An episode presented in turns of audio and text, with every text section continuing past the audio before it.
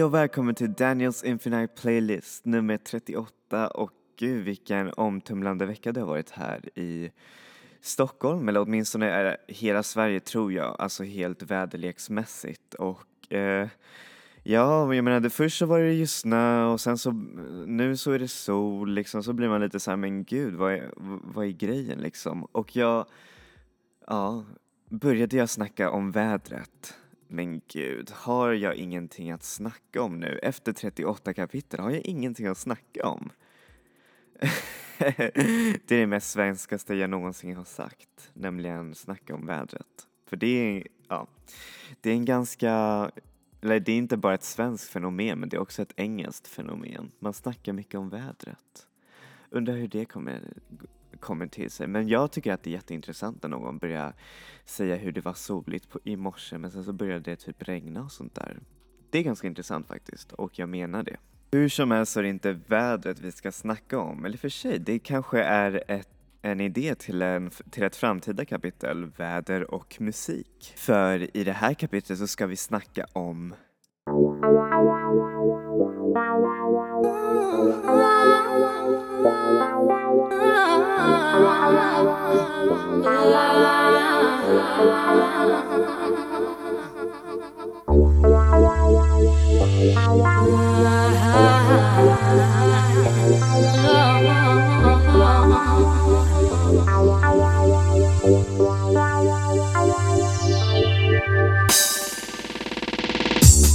Judge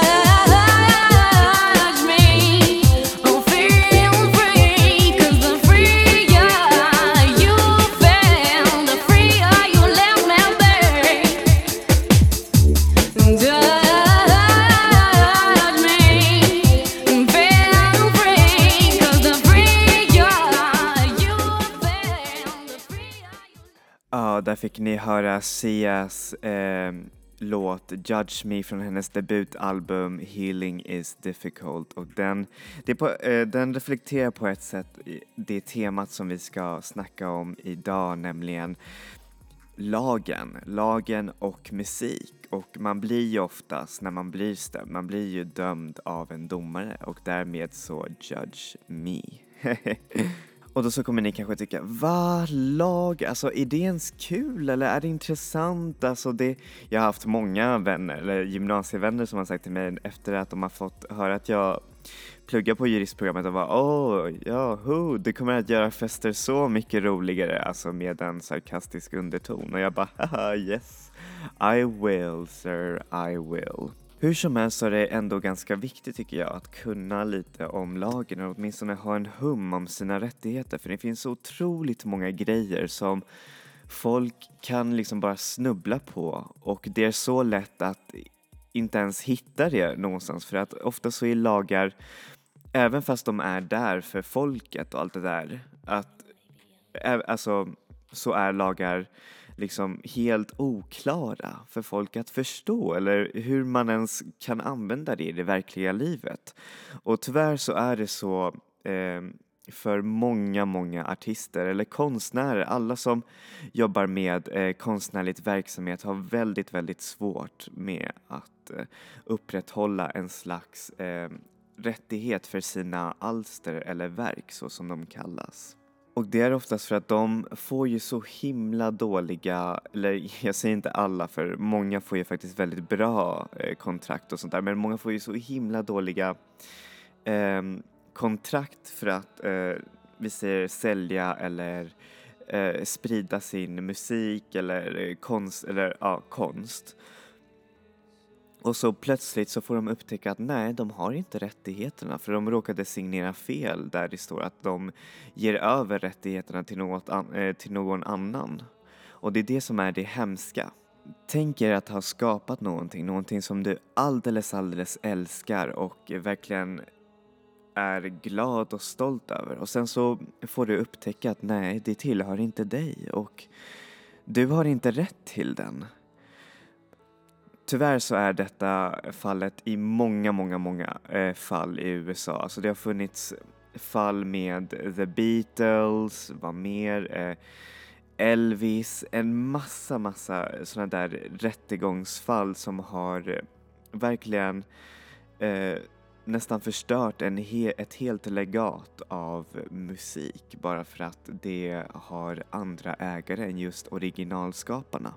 Och i och med eh, dagens digitalisering så är det svårt att finna en slags rätt till saker och ting. Eller hur ska artister kunna få pengar eller rättigheter till sina verk när de finns överallt i nätet? Jag menar till exempel om jag vill eh, se på en konstnärs tavla eller lyssna på någons musik så kan jag lika lätt ladda ner det eller titta eller hit, leta upp det på Google så hittar jag liksom en bild av den där tavlan eller eh, den där eh, musiksnippet liksom. Och det är därför de säger att eh, upphovs, eller den svenska upphovsrättslagen är otroligt eh, eh, hur säger man, den är lite daterad på det där sättet. Den är, den är lite som en relik från eh, gamla tider, inte så gamla tider, nu överdriver jag, men den är ganska, hur säger man, den är ganska clunky på ett sätt. Att den, eh, den tar inte in de här digitaliserade förfaranden för att ge artister skydd. Men den har vissa grundläggande och eh, väldigt, väldigt bra principer som gör eh, vad heter det, de- den slags benstommen för upphovsrätt idag, eller här i Sverige åtminstone. I USA så är det lite kalabalik. Men hur som helst, låt mig citera från upphovsrättslagen. Paragraf 1. Den som har skapat ett litterärt eller konstnärligt verk har upphovsrätt till verket oavsett om det är 1. Skönlitterärt eller beskrivande framställning i skrift eller tal 2. Datorprogram 3. Musikaliskt eller sceniskt verk 4. Filmverk 5. Fotografiskt verk eller något annat alster av bildkonst 6. Alster av bild- byggnadskonst eller brukskonst eller 7. Verk som har kommit till uttryck på något annat sätt. Och vad säger det här? Det kan ju vara lite svårt. Man, visst, man förstår ju, ja men man har ju rättighet till verket, men vad måste man göra? Måste man trademarka verket? Måste man göra det offentligt på något sätt? Måste man skriva upp ett kontrakt? Vad, hur ska man göra det? Och då är det så, mina damer och herrar, att så fort man har skapat någonting, vad som helst som kan kallas för ett upphovsrättsligt alster. Alltså vad som helst, så fort jag har eh, kluddat ner på det här bordet och gjort en karikatyr eller så fort jag har slagit en ton eh, ur mitt piano och har skapat en låt så har jag upphovsrätt till den. Alltså betyder det att det är jag som har rättigheten, den ensamma rättigheten att förvalta mitt upphovsrättsliga alster vidare och sälja det och även stämma folk eh, om de kopierar dig. om, de, om någon eh, annan jävel lyckas höra på eh, din pianolåt och så eh, gör den ungefär samma pianolåt men ändå så är det samma så kan du stämma per, eh, personen i fråga. inte det är ändå ganska underbart? Att så fort man har skapat något så har man upphovsrätt till det. Och det kan man inte säga så mycket för USA. För i USA så är det mer kontraktuellt. Att så fort man eh, skriver under något, ett kontrakt, det kan vara ekonomiskt och bla bla, eller överge rättigheterna till något så har man, så har man i stort sett upphovsrätt. Jag har inte läst så mycket amerikansk rätt men av det jag har läst så verkar det vara det som är fallet. Men även här i Sverige så händer det en, en hel del stämningar och eh, otroligt eh, intressanta rättsfall och vi har även haft väldigt, väldigt stora rättsfall till exempel som eh, tamburinhärvan som handlade om alla dessa stora band som stämde varandra kors och tvärs på grund av skulder och pengar som förflyttas från konton och allt det där. Det blev en verkligen stor smutskast, smutskastning i media på grund av det, vilket ja, är ändå ganska hemskt. Och då är det band som The Hives, Cardigans, eh, Timbuktu, en massa liksom. Och The Ark också. Och apropå The Ark så har de också blivit eh, stämda av Skatteverket för att de eh, sålde sin, eh, hur säger man, sitt album, jag kommer inte ihåg eh, om den hette In Regalia eller någonting sådär, i tidningsformat vilket ledde till att de kunde sål- eh, sälja albumet billigare Alltså det var, själva CD-skivan fanns in, inne i den här tidningen. Så om folk köpte tidningen så fick de CD-skivan. Och det var mycket, mycket billigare än om man skulle köpa en CD-skiva. Och det är, ofta, och det är för att eh, litteraturskatten är, hur säger man, momsskatten för det är ju lägre än musikskatten, vilket ja, är nog det logiska. Liksom. Ja, men why not? Säljer det i en tidning? Men det tyckte inte Skatteverket om, för det ansåg de vara eh, ändå en, hur säger man, musik. Alltså det var ju ett, det var ju ett album egentligen. Och sedan så är det ju frågan om illegal nedladdningsbar musik och streaming av filmer. Eh, det är en jätte, jättesvår fråga som rätten har inte direkt eh, gjort, alltså man har inte direkt kunnat eh, få fällande domar ur det för det är så himla svårt. Jag menar, tänk, tänka er alla som bryter den där lagen, alltså bryter det där hela, alltså under, alltså hela tiden. Alltså eh, mina vänner, alla. Jag menar, tänk om alla de skulle få stämningar plötsligt från hovrätten. Eller jag menar tingsrätten. Jag menar det är ju hemskt. Och därför så är det så svårt att göra någonting av det för alla gör det här i Sverige. Och det är det som är lite skevt liksom, för det har bara funnits ett sånt där, eller av det som jag vet, det kanske finns flera nu, men av det som jag fick läsa i juristprogrammet när jag läste upphovsrätt så var det ett rättsfall där en, eh, en man hade blivit ertappad eh, genom att ladda ner, får se, det var eh, Mauro Scocco, Sara, eh, Eurythmics, eh, Touch by, must be, There must be an angel, eh, var mer ABBA och så några andra sådana där jättecheesiga låtar men ändå härliga låtar. Men ändå så blev han ertappad för han tryckte på olika honeypots i nätet som eh, polisen la upp, alltså som, man som polisen lägger upp i nätet och sådana måste ni akta er för. Nej, jag skojar. Men eh, basically så är en honeypot en slags, eh, hur säger man, en slags fälla för att få en att följa en hur säger man, en slags väg i nätet. Till exempel om det står, ofta så står det sådana här hemsidor typ så här, ja men ladda ner den här låten nu liksom. Och så trycker du på den och så kommer du till en annan sida där det står så här, här kan du ladda ner låten, tryck på den och så kommer du till en annan och så whoops fortsätter du och fortsätter liksom följer den här honeypot-vägen, alltså honungsvägen eh, som de har lagt. Och så till slut så kommer man till slutet av det här honeypot-cyklet och där så ser man polisens hemsida och man blir stämd.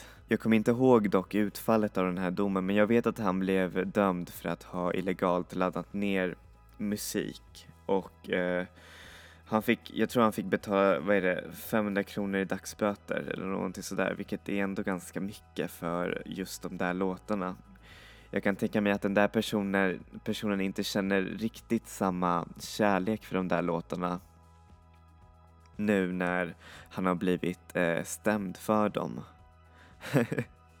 Hur som helst så ska vi nu eh, gå mot playlistdelen av min podcast och eh, temat är ju självklart musik och lagen, music and law och första artisten som vi har i eh, i playlisten är ju såklart den underbara rb artisten Jessie Ware. Ni kanske har hört talas om henne, men hon har en otroligt vacker röst. Och hon släppte en av de mest otroliga debuten år 2011. Jag kommer ihåg hur hennes album slog min värld med storm. För den var så elegant, så vackert elektroniskt pro eh, producerad och texterna var bara helt underbara. Men allt var ju inte såklart guld och framgång för hennes album, även om hon fick hela kritikerkåren och en massa fans eh, röster på hennes sida, så blev hon stämd av en rappare på grund av att hon använde en sample som hon inte hade riktigt fått clearance av, alltså clearance, alltså eh, tillåtelse att använda i hennes låt som hon använde som hon använde i en låt i hennes debutalbum. Och samplen säger alltså lite lätt så säger det “carving my initials on your forehead” vilket är ändå ganska coolt liksom. Det låter ju väldigt häftigt. Och nu så har de ändrat samplen, vilket jag tycker det låter jätte, jätte B, men eh, den säger coming, coming at you like a warhead, vilket är, ja, jag vet inte. Det är lite lame måste jag säga och verkligen väldigt småsint av rapparen att eh, stämma en ung och ny artist för det där. För det bara hjälper liksom, tycker jag, att ha ens musik i annans musik så att folk verkligen upptäcker en senare. Men självklart ska de få betalt och det var nog det som Jessie Ware gjorde fel. Så här får ni originallåten, alltså den utan den ändrade samplen. Och det, och det är 110% av Jessie Ware. Carving my initials on your. Carving my initials on your forehead. Carving my initials on your.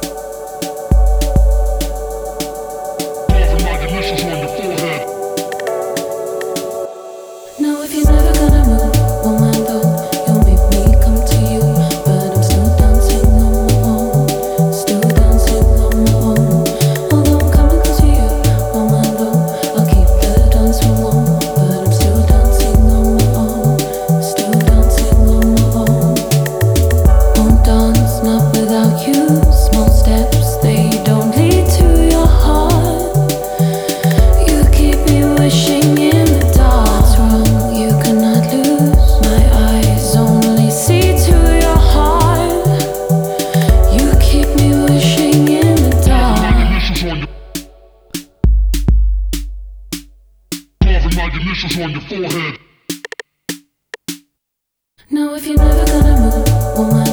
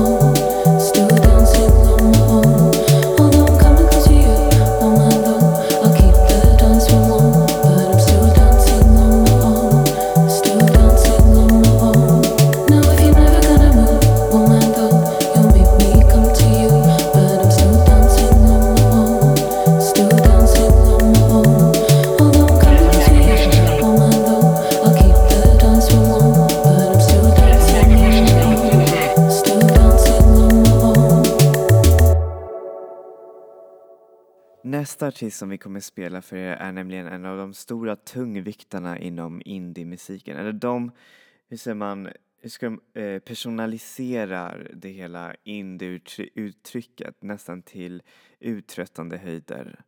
Och jag älskar dem lika mycket som jag hatar dem. Eh, jag hatar dem främst för att deras musik idag är bara helt, ja, det är inte, jag tycker inte om det alls. Men men, hur som helst, jag snackade om bandet Vampire Weekend. Och det här var under deras höjd tycker jag, eh, musikmässigt i deras andra album Contra som hade, som är otroligt ikoniskt för det har det här fotot av den här blonda kvinnan i polo eh, t-shirt som ser en slags, eh, som ser så otroligt, eh, hur säger man, jag vet inte, det är något speciellt uttryck med hennes ansikte. Ni måste se det för att eh, förstå det.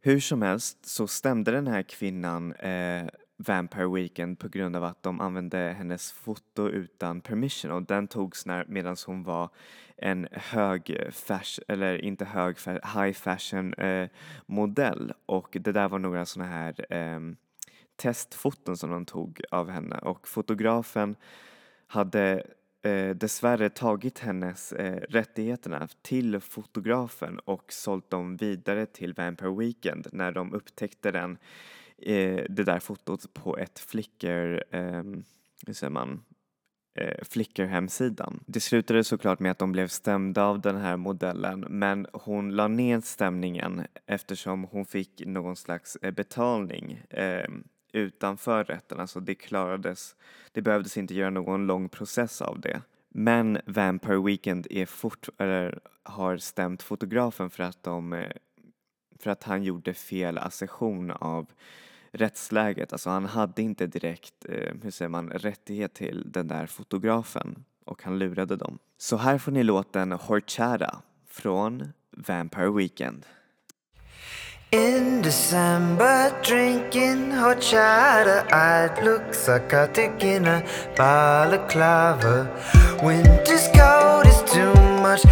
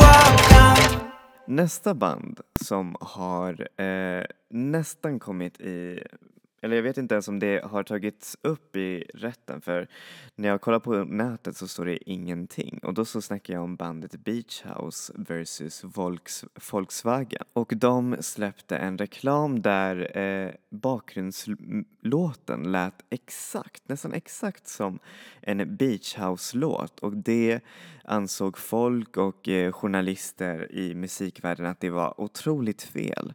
Och eh, Faktum är att Beach House blev faktiskt frågad av bolaget om de fick använda låten flera gånger men de, de ville inte re bli representerade på det där sättet i den där musiken. Så då bestämde de sig, eller Volks, Volkswagen, de bestämde sig för att göra sin egen version av låten eh, och eh, trodde att de skulle gå undan med det. Men av det som det verkar alltså med situationen så verkar det som att det har ändå blivit löst eh, utan en sto ett stort så här, rättegång.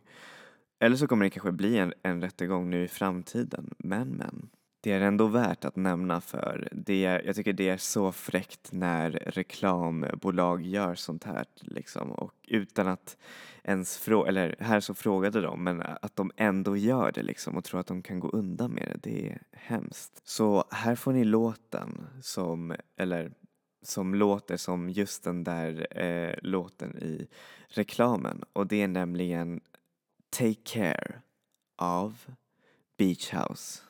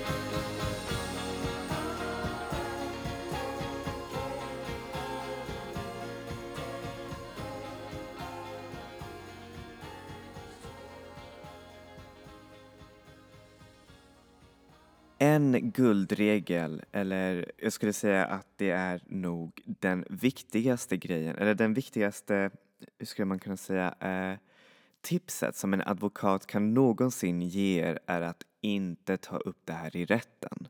För att det blir en så långdragen process och det kostar till slut mer än vad man har egentligen fått i skada.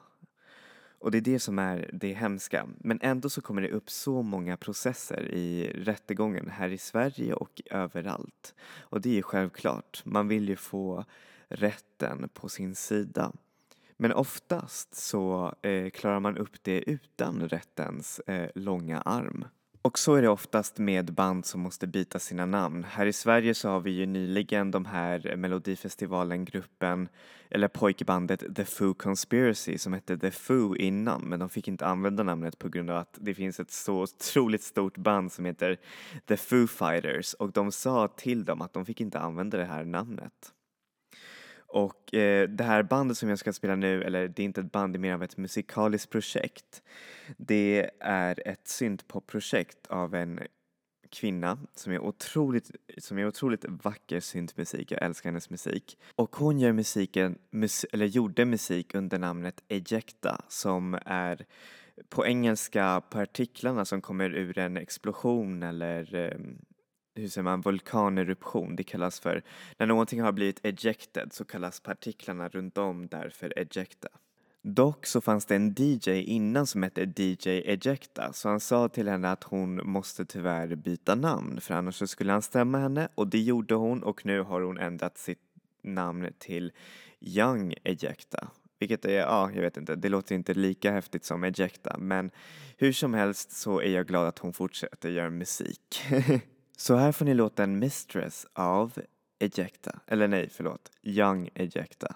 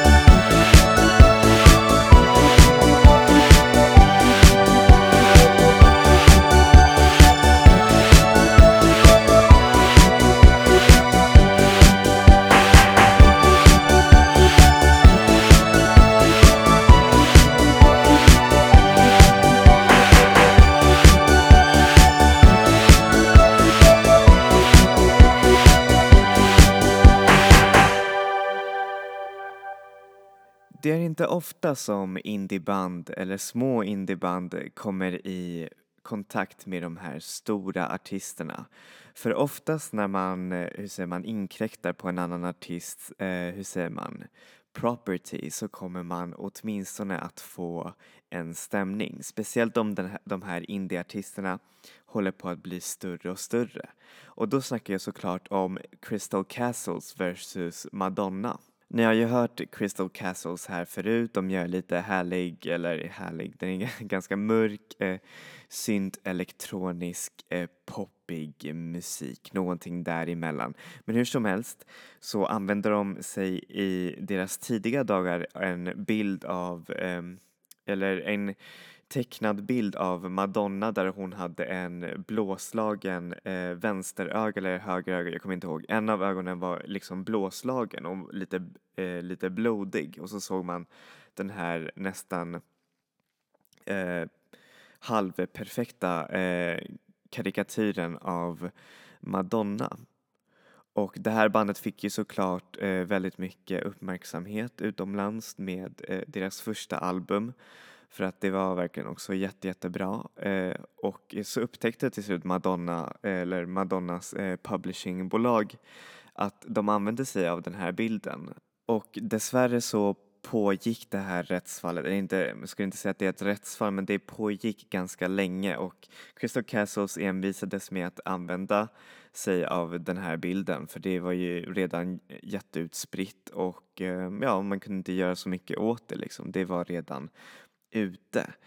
Och eh, till slut så bestämde sig för Madonnas eh, public, eh, alltså, publicister att eh, ta ned eh, vet du, the lawsuit för de, Eh, de ansåg att eh, nog så var bilden kanske hur man, den var också en direkt eh, originell konstform som kan väl anses inte vara direkt förknippad med Madonna men ändå kanske lite och eh, de är ju så pass små så att det skulle kanske inte heller förstöra Madonnas image eller anseende liksom utom, ja, i media. Så därför så har de rätt till den här bilden av Madonna med en eh, blå tira. Den är ganska häftig. Eh, gå och eh, titta på den. Eh, skriv Crystal Castles Madonna eh, Crystal Castles Madonna så kommer ni få upp bilden. Men hur som helst så här får ni en låt från deras första album och det var just den här eran då de använde den där bilden. Eh, det är låten Vanished av Crystal Castles.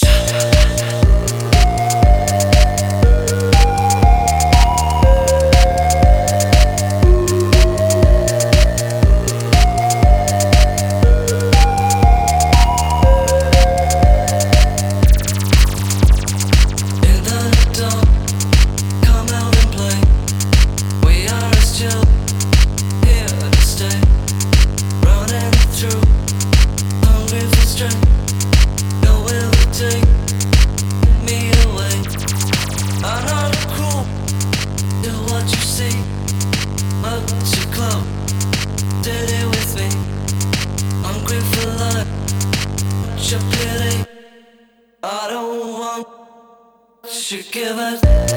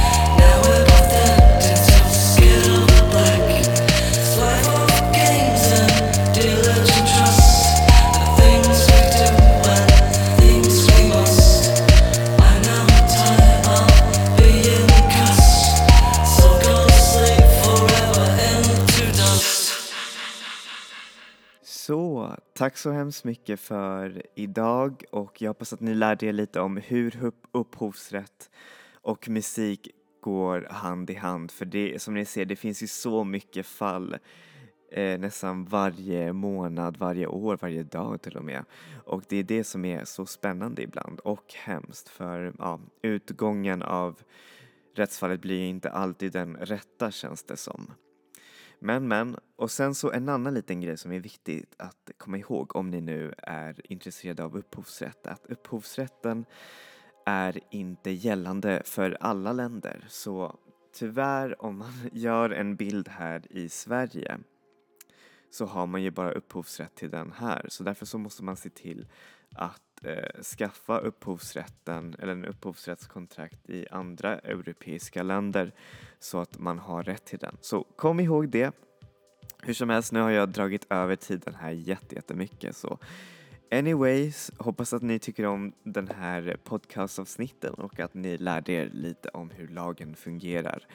Um, hoppas att ni får en awesome vecka och med mycket ny musik och sånt. Um, enjoy music, enjoy life people. Vi ses!